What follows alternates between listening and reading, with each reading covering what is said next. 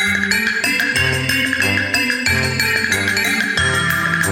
apa kabar teman-teman? Selamat datang di Albalat, podcast tentang dunia Timur Tengah berbahasa Indonesia pertama.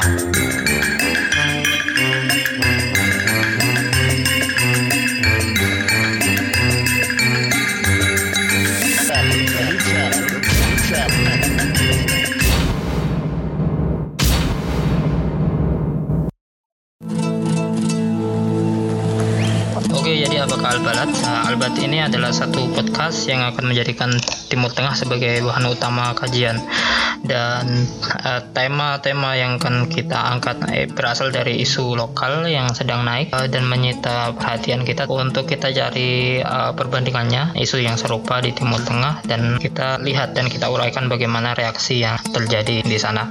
Nah, tujuan Albalat ini sebetulnya adalah untuk membuka jendela wawasan kita bahwa yang kita kira Timur Tengah selama ini tidak sempit yang kita pikirkan. Ya, coba saja teman-teman misalkan disuguhi ya satu kata Timur Tengah untuk kemudian dijawab dengan cepat berdasarkan apa yang terlintas di pikiran kita. Tentu yang terjawab adalah mungkin eh, melulu Arab, melulu Islam, melulu gurun, melulu onta, kemudian ada kurma dan mungkin melulu konflik. Dan ini tentu bukan pandangan yang eh, sepenuhnya benar ya sekalipun hal-hal tersebut juga ada di Timur Tengah tetapi eh, ini adalah semacam produk dari stereotip yang tentu tidak selalu baik. Tahun 2013 kalau kita pernah lihat ada iklan Coca-Cola Super Bowl.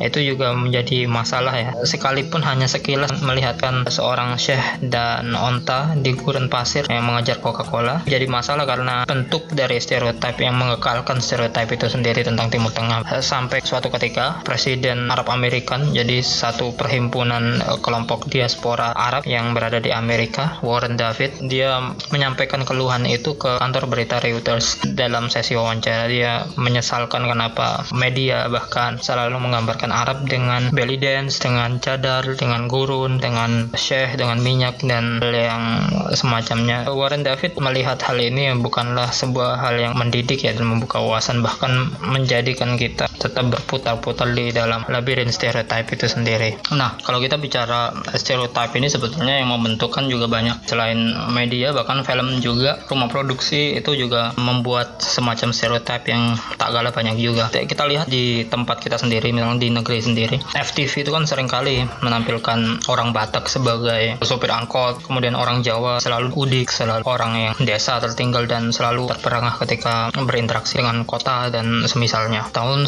94 ya saya mencatat uh, satu film yang menjadi debut dari Arnold Schwarzenegger True Lies itu juga menjadi masalah bagi orang-orang yang sensitif terhadap stereotip ini. Sebab di situ dia memuat satu teoratif ya makna tentang jihad. Dia sebut sebagai Crimson Jihad ini teman-teman bisa cek sendiri. Kemudian bahkan yang lebih fatal lagi film kartun Disney tahun 92 itu di time song original Disney menyematkan satu lirik seperti ini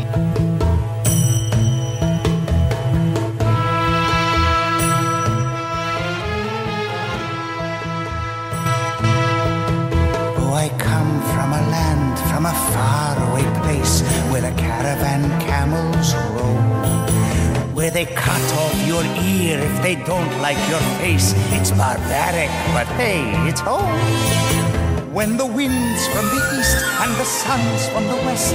Disney menyematkan satu lirik yang sangat stereotip menceritakan bahwa tempat Aladin itu adalah tempat orang-orang yang kalau tidak suka dengan wajah orang asing ya tidak suka saja maka telinga orang asing itu akan diiris. Tapi karena kemudian Disney menyadari bahwa hal ini adalah bukan hal yang patut kemudian mereka segera menggantinya ya kan? Teman-teman tadi dengar where they cut off your ear if they don't like your face itu diganti jadi where flat and immense and the head is intense I come from a land, from a faraway place where the caravan camels roam. Where it's flat and immense and the heat is intense. It's barbaric, but hey, it's home.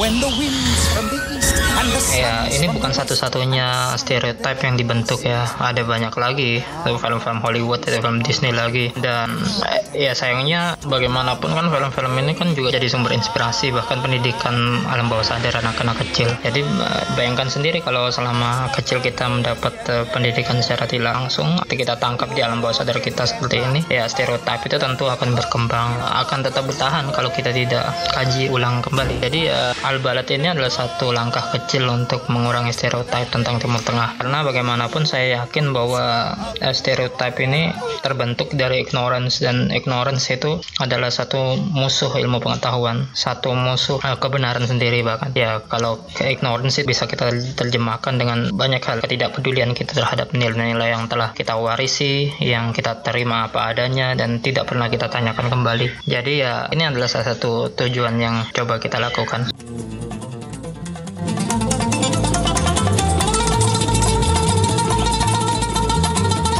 kenapa sih harus Timur Tengah ya karena selain tadi tidak ada yang membahas juga untuk mengurangi stereotip eh, Timur Tengah ini unik juga karena kawasan ini selalu tidak akan pernah sepi maksudnya tidak akan pernah sepi dari isu-isu besar ya di dunia. Termasuk kan perebutan kekuasaan juga ada di sana. Kemudian dari dahulu tempat ini juga merupakan sebuah perlintasan kebudayaan ya. Kita bisa lacak di kawasan Timur Tengah itu ada kebudayaan Babylon ada Mesir kuno ada Akadia kemudian ada Persia kemudian Yunani, Romawi juga. Jadi uh, saya kira ini sangat menarik untuk dijadikan sebuah bahan dalam sebuah podcast.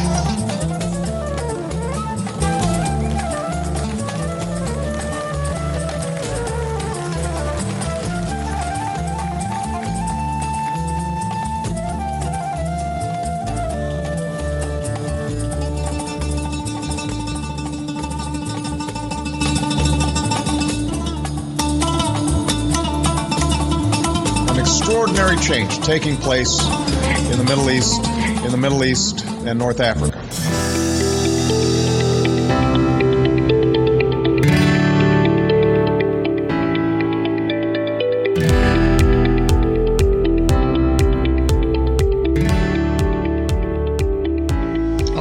sampai di segmen kedua. Jadi di segmen kedua ini kita akan bahas tentang di mana sih Timur Tengah itu.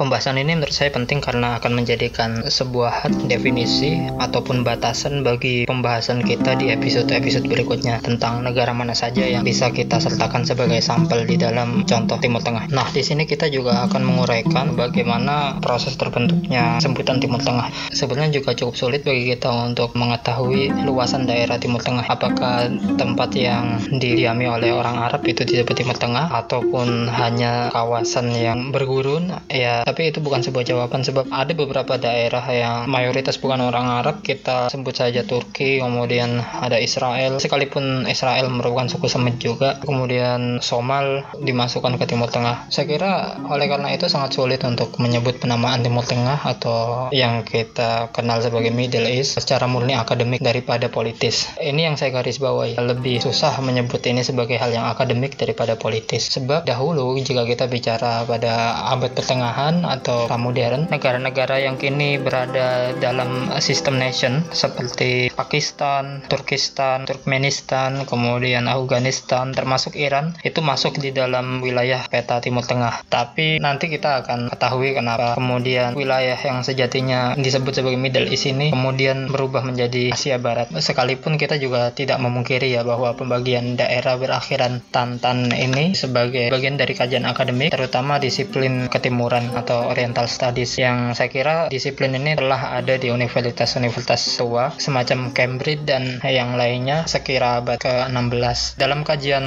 Oriental ini, Eropa sebagai pemilik kajian membagi dunia timur menjadi tiga bagian. Ada timur dekat yang disebut sebagai Near East, kemudian ada timur tengah Middle East dan Far East atau timur jauh. Dan untuk wilayahnya sendiri timur dekat itu adalah Balkan dan e, kekuasaan Ottoman. Jadi kekuasaan Ottoman Ottoman itu adalah wilayah-wilayah yang berada di pesisir Laut Tengah atau Mare Nostrum dalam bahasa Latin yang artinya laut kami laut Mediterania itu di pesisir pantai sebelah selatan itu kan Afrika Utara ada Libya, Aljazair, Maroko sampai ke Balkan itu kan adalah wilayah kekuasaan Ottoman termasuk semenanjung Arab pada masa itu. Nah, wilayah itulah yang kemudian disebut Near East ataupun Timur Dekat. Sedangkan Timur Tengah atau Middle East itu adalah uh, wilayah yang tadi kita sebut diakhiri dengan kata Tan.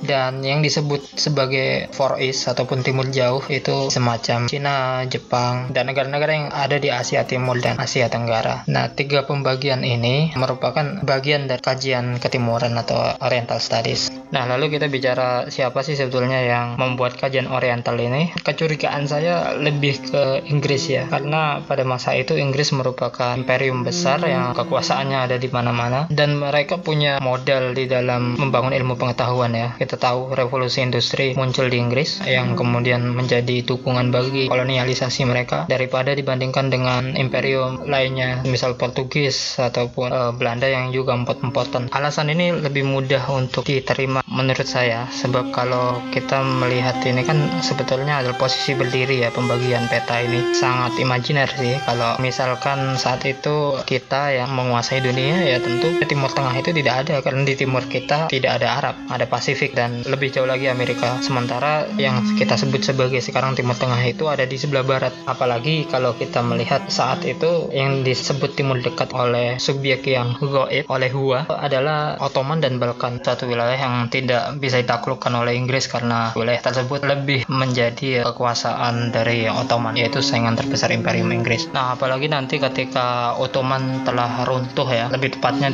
diruntuhkan oleh Inggris dan Perancis. Itu kawasan yang sebelumnya kita sebut sebagai Near East itu lenyap dan lesap ke dalam kawasan baru yang disebut sebagai Near East. Jadi Near East itu bergeser dari wilayah yang awalnya Tantan itu ke wilayah yang sebelumnya kekuasaan Ottoman atau Near East. Nah ini tentu fakta konspiratif ya. Tetapi kalau kita baca dokumen Balfour misalkan ada Six Picot yaitu dukungan usaha dari Perancis dan Inggris untuk memecah Ottoman atau meruntuhkan Ottoman dan dukungan agar warga Yahudi mendapatkan tempat di Palestina. Maksudnya Yahudi Zionisme untuk mendapatkan tempat di Palestina ya tidak bisa dipungkiri meskipun berbau konspiratif tapi ini juga tepat. Kemudian eh, fakta yang saya kira lebih lunak adalah uh, pembagian tiga bagian timur ini oleh Oriental Studies itu karena ya disiplin ilmu geografi modern yang baru mutakhir saat itu ada di Inggris. Ya apalagi didukung dengan kekuatan dana dan motif kolonialisasi Inggris ya. Sebagai contoh saja dalam ilmu geografi modern kita bisa baca alasan ini pada sistem longitude ya atau garis busur. Ini kan berkembang pada abad ke-18-19 dan uh, kita tahu 0 derajat longitude itu dimulai di mana? Dimulai di Greenwich kan? Di Inggris. Jadi kalau pakai ini kita kemudian letakkan pada peta yang datar maupun pada globe ya pembagian tiga wilayah timur ini saya kira sangat relevan. Jadi yang pasti pandangan ini adalah semata-mata Eurocentrik atau pandangan dari orang Eropa berdasarkan arah mata angin dan ya tentu subjektif ya tergantung karena kita berdiri di mana. Kalau seperti tadi kita sebut kalau misal kita yang menguasai model dan dunia pada saat itu Timur Tengah tidak akan pernah ada. Tentu uh, kajian orientalisme terlepas dari hal-hal tadi yang konspiratif dan tidak dia juga punya banyak celah epistemik yang jadi sasaran kritik banyak ilmuwan. Edward Said misalnya orang Arab kelahiran Palestina dia menyebut para orientalis itu selalu melihat dunia timur sebagai panggung dramaturgi yang diperankan oleh dramawan dan barat sebagai sutradaranya. Jadi barat itu tidak pernah jujur dalam melihat timur. Tidak pernah melihat timur dengan fakta yang apa adanya tapi dengan seharusnya bagaimana sih menurut mereka? Nah pada wacana yang lebih lanjut tentu secara laten ada wacana-wacana kekuasaan dan muatan-muatan politik kultural kekuasaan pada intelektual dan moral. Bisa kita baca juga sih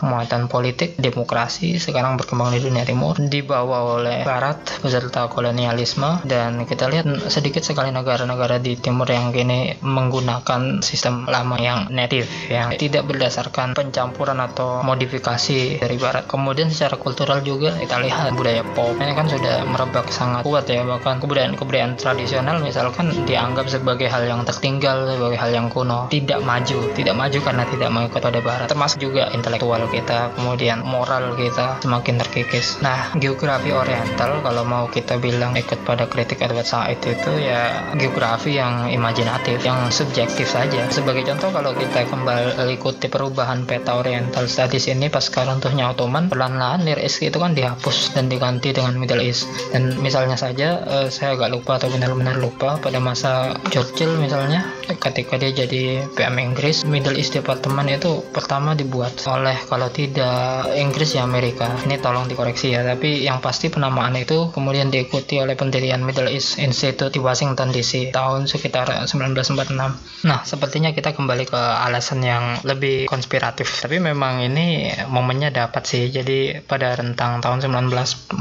sampai 80-an itu statistik penggunaan kata Middle East itu juga sedang naik-naiknya terutama karena adanya konflik Suez dan ada revolusi Iran. Jadi penggunaan Middle East itu sudah mulai digunakan dan Near East itu sudah sama sekali ditinggalkan. Tentu perubahan peta ini membuat Turki sebagai wajah baru dari Ottoman yang telah hancur. Yang dulunya dalam konsep oriental itu dia berada di kawasan Near East dan kini disebut sebagai wilayah Middle East minus Balkan membuat Turki jadi berada di persimpangan identitas. Kita bisa lihat dalam beberapa tahun pada masa awal dia langsung bergabung dengan NATO kemudian berusaha bergabung dengan Uni Eropa dan terus berusaha meskipun sekarang harapan untuk bergabung sudah sepenuhnya tertutup terutama setelah ada pembersihan politik yang dilakukan oleh Erdogan pasca gagalnya kudeta di sekitar tahun 2016 lalu. Nah, kita juga tahu wilayah bekas Ottoman itu kan Afrika Utara sampai Asia Tengah. Nah, peruntuannya itu juga mengekalkan usaha untuk mengekalkan kata Timur Tengah dan melupakan kata Near.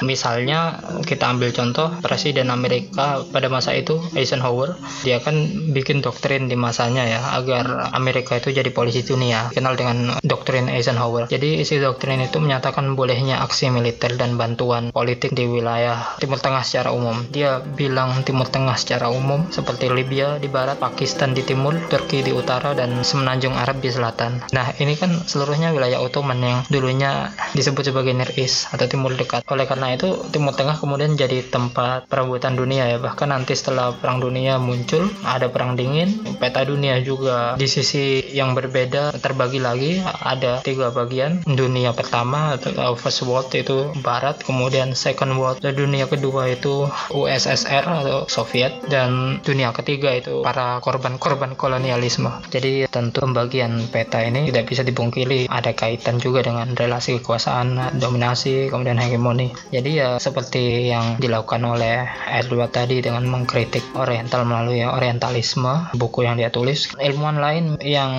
jeli terhadap muatan laten di dalam kajian ini juga menantang kita untuk membuat studi tandingan. Hasan Hanafi misalkan, dia menyebut kita buat saja Occident Studies, studi tentang Barat yang benar-benar mandiri. Sebetulnya sekarang sudah ada sistemnya Occident Studies itu, kajian tentang Barat. Kalau di UI misalkan, nah S2 itu ada kajian kewilayahan, studi kawasan ya. Ada kawasan Amerika, ada kawasan Eropa. Saya kira itu bagus, tapi ya kalau Hasan Hanafi dia akan bilang itu percuma kalau sumbernya juga masih orientalis juga gitu. Jadi ya harus benar-benar mandiri. Nah, jadi kita paham bahwa Timur Tengah itu tidak sesempit stigma kita yang hanya kawasan Arab dan melulu Arab. Saya catat ada empat identitas besar plus satu. Ada identitas Arab di sana, ada Turkis dengan kegalauannya dia ingin dekat dengan Eropa. Kemudian ada Iran dan satu lagi Afrika. Orang-orang Somal itu sekalipun dia berada di wilayah Afrika, tapi dia dekat dengan Timur Tengah. Dan wilayah ini juga sekarang masuk dianggap masuk ke Timur Tengah atau lebih dekat ke Timur Tengah. Jadi ya ini merepresentasikan juga tentang Timur Tengah. Akan tetapi saya tidak tahu ini stereotip yang berusaha kita lawan ini kadang dibangun oleh orang Arab sendiri ya. Misalkan eh saya tidak tahu sih tapi ini mungkin karena mereka mayoritas kalau kita coba tahu bagi orang Arab sendiri itu hanya ada dua kelompok manusia kan. Ada mereka sebut sebagai Arab yaitu kelompok mereka sendiri dan Ajam yaitu orang non Arab. Kebanggaan identitas ini adalah dibangun berdasarkan kesamaan linguistik ya. Nanti juga ini membuat akhirnya pan Islamisme secara garis besar melihat kawasan ini secara monokultur. Nah ini kan juga bagian dari pembuatan stereotip itu sendiri. Oke, okay. ya ini sebuah hal yang menarik. Tapi apa pun itu cukup di sini. Ini adalah pengantar untuk membuka jendela yang lebih besar pada episode berikutnya. Dan saya rasa yang paling benar menyebut kawasan Timur Tengah yaitu prodi saya dulu di FIB UI yaitu prodi sastra Arab. Dulu pertama berdiri tahun 1984 itu dulu bukan sastra Arab namanya tapi sastra Semit dan ikatan mahasiswanya itu ikatan keluarga Semit jadi bukan Arab. Setelah pindah kampusnya dari Rawamangun ke Depok dia berubah jadi sastra Arab. Dan di sastra Arab itu kemudian nama himpunan mahasiswanya berganti nama menjadi ikatan keluarga Asia Barat. Saya kira penyebutan Asia Barat ini lebih relevan dan lebih lega karena lepas dari muatan politis sebagaimana Near East yang kemudian menjadi Middle East. Ya, saya kira itu saja. Saya sangat terbuka untuk menerima koreksi pada akhirnya dan Q&A ataupun pertanyaan yang ingin disampaikan bisa disisipkan ke akun saya AFN Deadman di Twitter atau di Instagram dan ya sampai jumpa di episode berikutnya. Terima kasih.